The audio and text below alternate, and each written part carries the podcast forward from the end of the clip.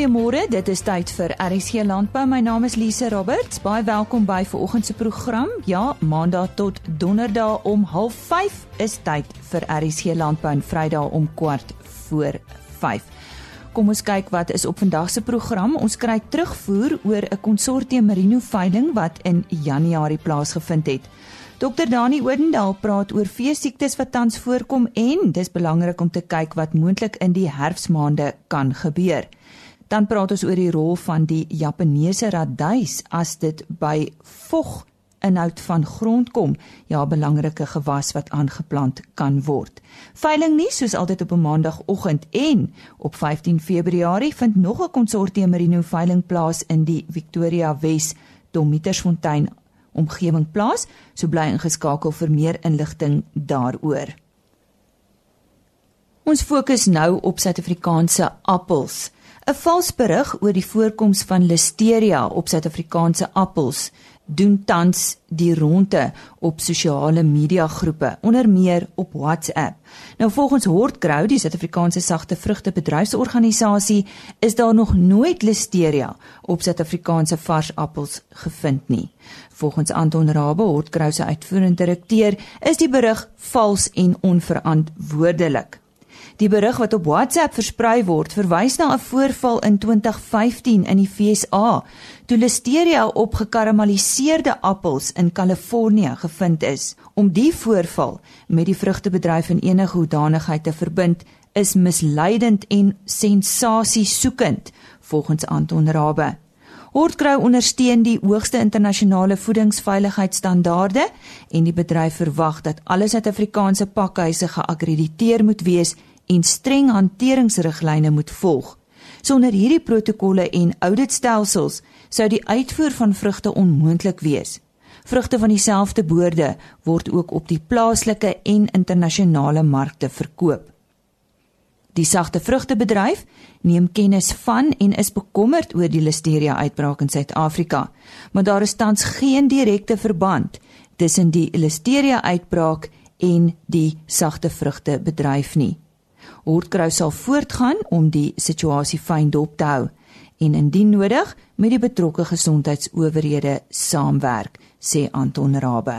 Suid-Afrika het al vir meer as 100 jare uitstekende reputasie as 'n geloofwaardige en betroubare bron van veilige vars vrugte van uitstekende kwaliteit. Vir terugvoer oor een van die veilinge wat in Januarie plaasgevind het, oor na Henny Maas. Ons uh, gesels met Meiberg Erasmus en uh, ons sal 'n bietjie praat oor 'n veiling wat uh, plaasgevind het op die 17de Januarie. Hoe het gegaan met die veiling Meiberg? Ja nee, dit het baie goed gegaan. Ons was baie benoud geweest en nog nie gereend in ons area nie, maar die boere het vertroue gehad en uh, ek is baie tevrede met die uitslag van die veiling. Hoeveel boere het dit bygewoon? Uh daar het 200 boere geregistreer vir die veiling. Ek wil sê daar was seker omtrent 300 gewees op die veiling. Wat was die aanbod nou weer? Aanbod was vir 2000 Dunie Marinos en uh 100 uh, Bonsmara tipe koeie. Het jy alles van die hand gesit? Alles is van die hand gesit en nie ehm um, oeye het 2860 rand gegaan vir draftige oeye. Maar wat merkwaardig was, dat twee tand ooetjies 2800 rand gegaan het. Koeie met kalwers was 17600 rand vir 'n koei met 'n kalfie van ongeveer 'n maand oud.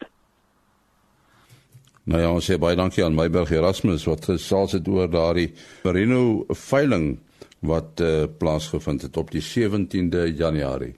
Dankie Henny en nou praat hy met dokter Dani Odendaal van die veeartsnetwerk oor siektes. Dani, ons staan nou in middel in die somer.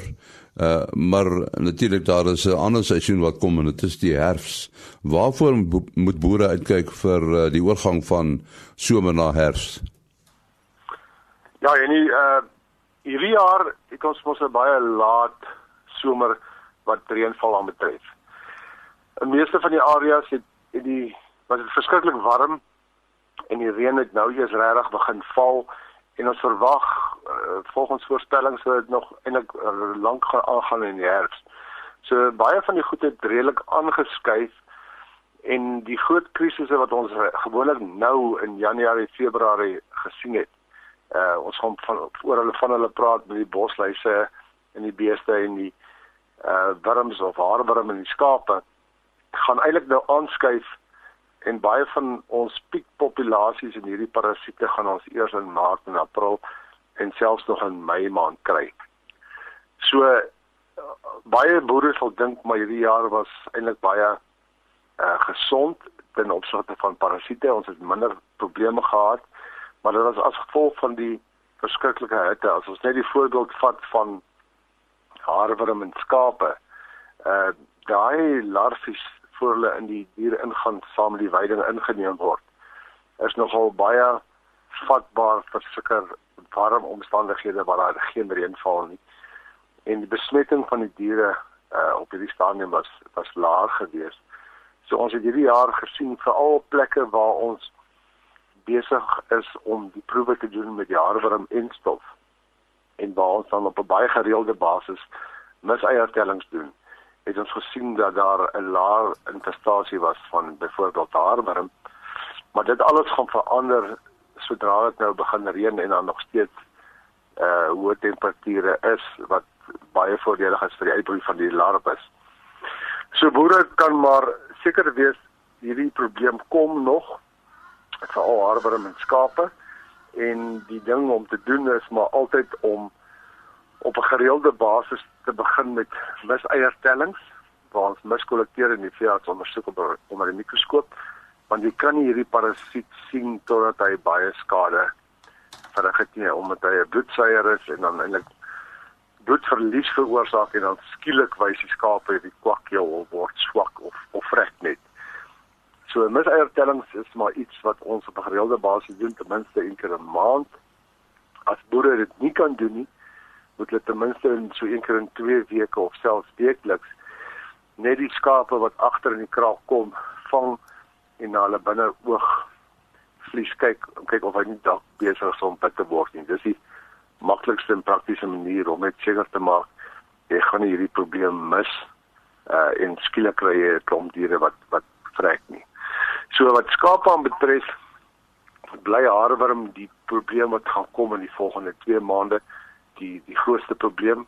Uh as dit goed reën uh en ons het ook 'n bietjie hoë temperature, moet ons ook op die uitkyk wees vir brommers.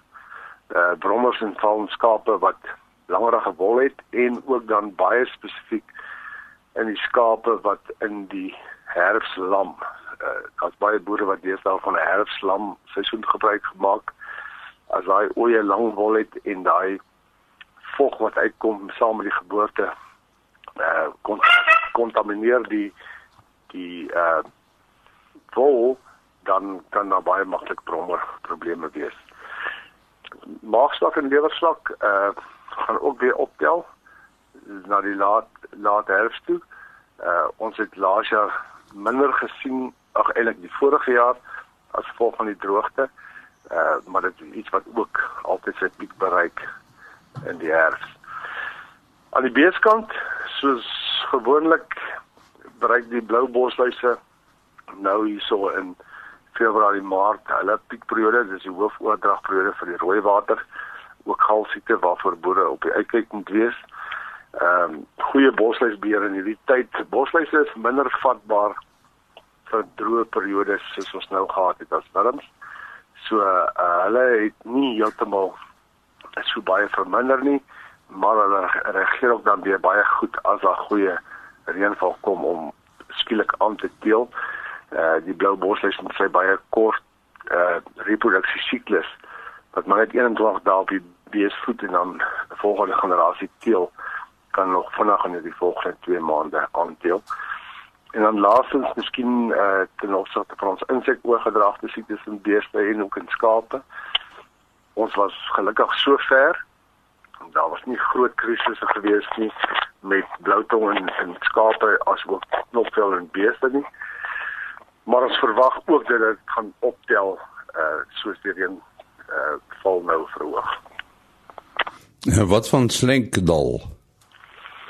Ja, Slenkdal koers bly altyd in ons gedagtes. Dis veral ons gedagtes as daar nou werklik uh nat voorseisoen en somer en na seisoen was. Hierdie jaar is nie tipies daarvan nie sover uh, met die siekte rapportering het ons geen gevalle nog identifiseer in die land nie. Maar boon Afrika was daar hele paar lande waar dit hierdie jaar voorgekom het. So my aanbeveling altyd met boere is maak seker dat jou vervangingsdiere, dit wat jy terughou as oetjies, dit wat jy terughou as verse, ten minste eenmaal geënt word. Al kom die siekte nie voor nie, die dag as dit voorkom, kan jy nie sit met 'n kudde wat nog nooit teen slengdag geënt is nie. En as jy elke jaar herhaal met jou vervangingsdiere, dan het hulle 'n basis immuniteit en daai diere kan uh 'n skraagdosis ontvang op enige tyd wanneer ons ooit weer so uitbreek het. Op die oomblik het ons geen geval gehad sover in die land nie.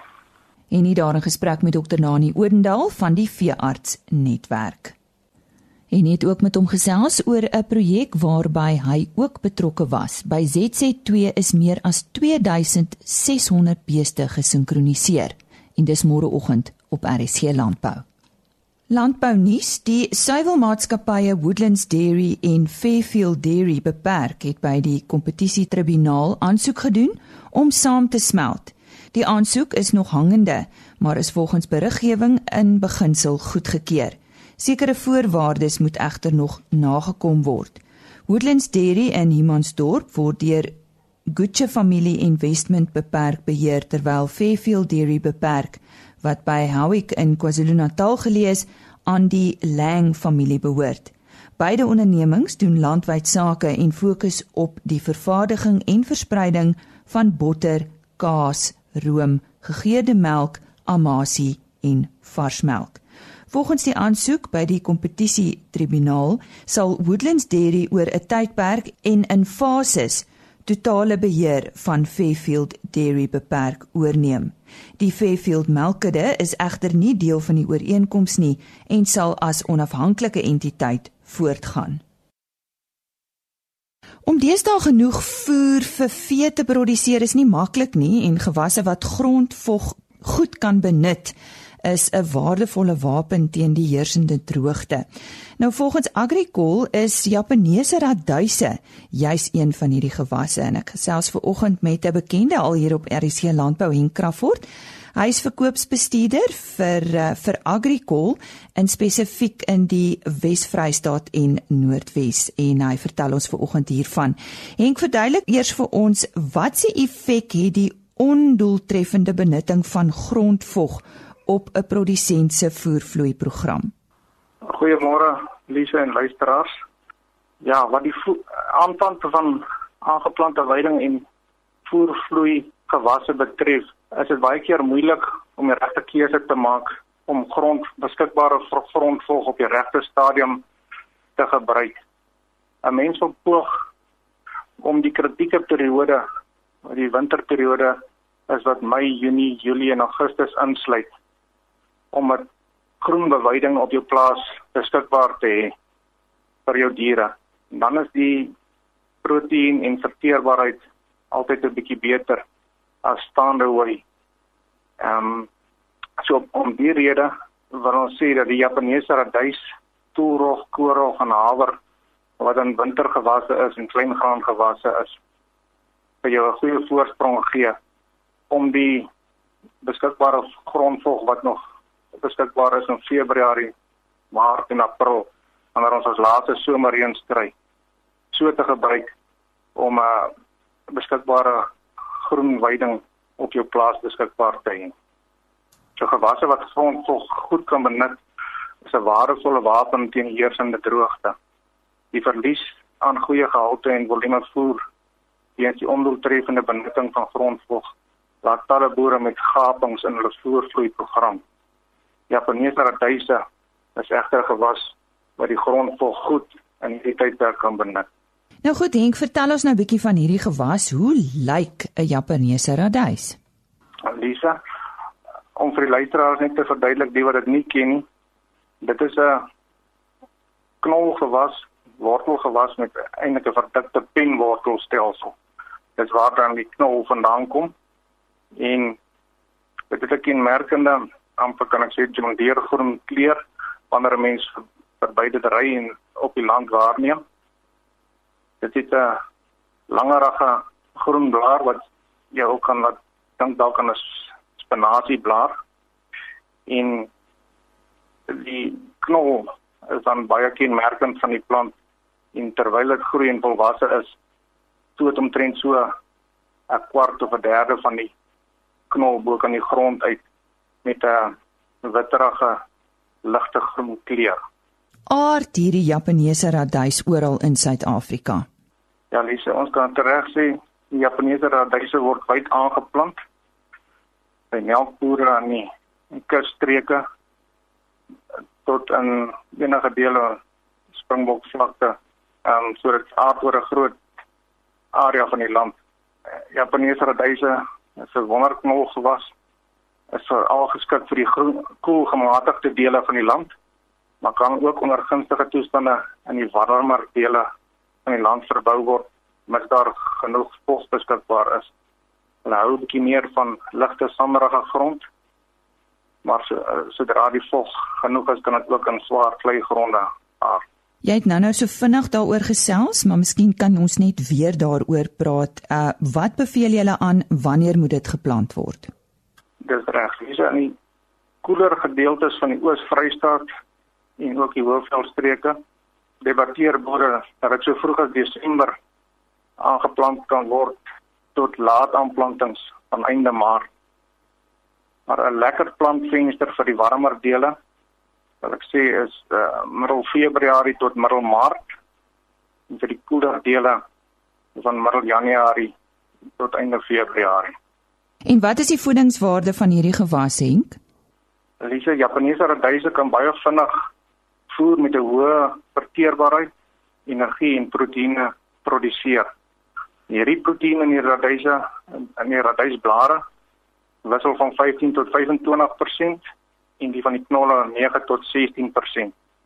Ja, Japaneese radyse kan 'n uitstekende gewigstoename by vee meebring. En lammers wat op die Japaneese radys gevoer word, kan tot soveel as 250 gram per dag groei en jong beeste tot soveel as 1,2 kg per dag. As dit by veiding kom, watse raad het jy vir ons produsente? Ek sal sê dat Japaneese radys 'n baie goeie gewas is om in jou voervloei gewasse in te werk sodat jy 'n bietjie daarvan het vir 'n nood indien daar 'n lammers is wat lam in die winter of enige vee wat jy wil voer. Die Japaneese radyse sal binne 10 tot 14 weke nadat dit versaai is volgroei wees. Let daarop dat die beweiding voor die tydperk nie aanbeveel word nie omdat dit 'n bietjie vertrapping veroorsaak herhaaldelike beweiding kan veroorsaak dat goeie gehalte wynmateriaal verlore gaan. Strookbeweiding word met behulp van verskuifbare elektriese heininge aanbeveel en sal help om die gewas doeltreffend te bewei. Strookbeweiding werk ook dikwels baie goed vir melk en vleisbeeste eerder as vir skape. Watter ander voordele bied hierdie Japaneese radys en as ons daarmee dan kan afsluit? Dis reg. Omdat die Japaneese radys so lekker in hierdie tydperk groei wanneer mense dit van Februarie kan aanplant. Ja, hier van Mei, Junie, Julie en Augustus gebruik word, kan dit ook vir ander voordele uh, gesien word. Die volgende voorbeelde noem ek gou. Japaneese radyse kan 'n baie bruikbare element in weidingsverbeterings. Met ander woorde tussen raaigras en dalk haver 'n bietjie aangewend word en die verbouing van dekgewas programme wat die laaste tyd baie op almal se lippe is. Dit is 'n goeie gewas om daarin te sit. Dit is 'n onder andere manier om onkruid en alwerm in lande wat weidingstelsels aangeplant word te onderdruk. Japaneese radyse beskik ook oor die vermoë om 'n redelike sterk wortelkanaal of 'n groterige gat in die grond te vorm en dit veroorsaak meer doeltreffende waterindringing in die somermaand wat daarop volg. En 'n uh, ander voordeel van die Japaneese radys omdat dit so groot biomassa tot gevolg het is die organiese koolstof wat dit in die grond kan opbou deur die ehm um, soos ek sê, sê die groot biomassa wat dit wat dit produseer. Nou ja, ons sê soos altyd baie dankie aan Henk Crawford, hy's van Agricol en indien jy meer eh, besonderhede benodig, kontak gerus u uh, verkoopsbestuurder en u konsultant in u omgewing en vir meer inligting daaroor besoek www.agricol.co.za. En nou is dit weer tyd vir veiling nuus. Die Beyond Beef Wagyu veiling vind op 9 Februarie plaas by die Frankfurt Royal Auction Centre. 20 volbloed vroulike diere, 17 volbloed bulle, 150 opregte vroulike diere met 22 F2 kalvers, 50 volbloed swart en Japaneese embryos, 50 volbloed Akaushi embryos, verskeie semenkombinasies word opgevuil deur BKB Louet. Brandon Leer is die afslaer. Die Considerata African Drought produksie veiling vind op die 8de Februarie plaas by die Afridome in Parys. 50 SP vroulike diere en 5 SP stoetbulle word opgeveil deur SHM Auctioneers met Johan van der Nest as die afslaer. Die Maximum Merino Landskapgroep se 9de produksieveiling vind op die 10de Februarie plaas by Verdeeld by Koppies 220 skape word opgevuil deur BKB Louet. En dan die algehele uitverkoping van JC Stein vind op die 12de Februarie plaas by Leeulaagte Heilbron, 'n uh, 553 hektaar plaas en implemente. BKB Louet is die afslaer. Tot sover dan veiling nuus. 8085. Ons uh, gesels nou weer met Gawie van Herden van van Consortium Merino en ons praat met uh, hom oor 'n veiling wat op die 15de Februarie plaasvind. Wanneer uh, waar vind hierdie veiling plaas, Gawie? Ja, nee, dankie. Maar die veiling van plaas op Dom Pietersfontein in die Pieterwes distrik. Dit is so 45 km van Pieterwes af. Ehm um, ja, dit van die 15de Februarie plaas is ons 34ste veiling. Hierdie dit is ons vlaggenskap. Hierdie jaar gaan daar 500 ramme staan. Nou dit is heel as jy 'n waardering het vir 500 rand op veiling, die gemiddelde veiling in Suid-Afrika staan so rondom tussen 50 en 60 rand, so dit is heeltemal 'n ander dinamika wat daar plaasvind.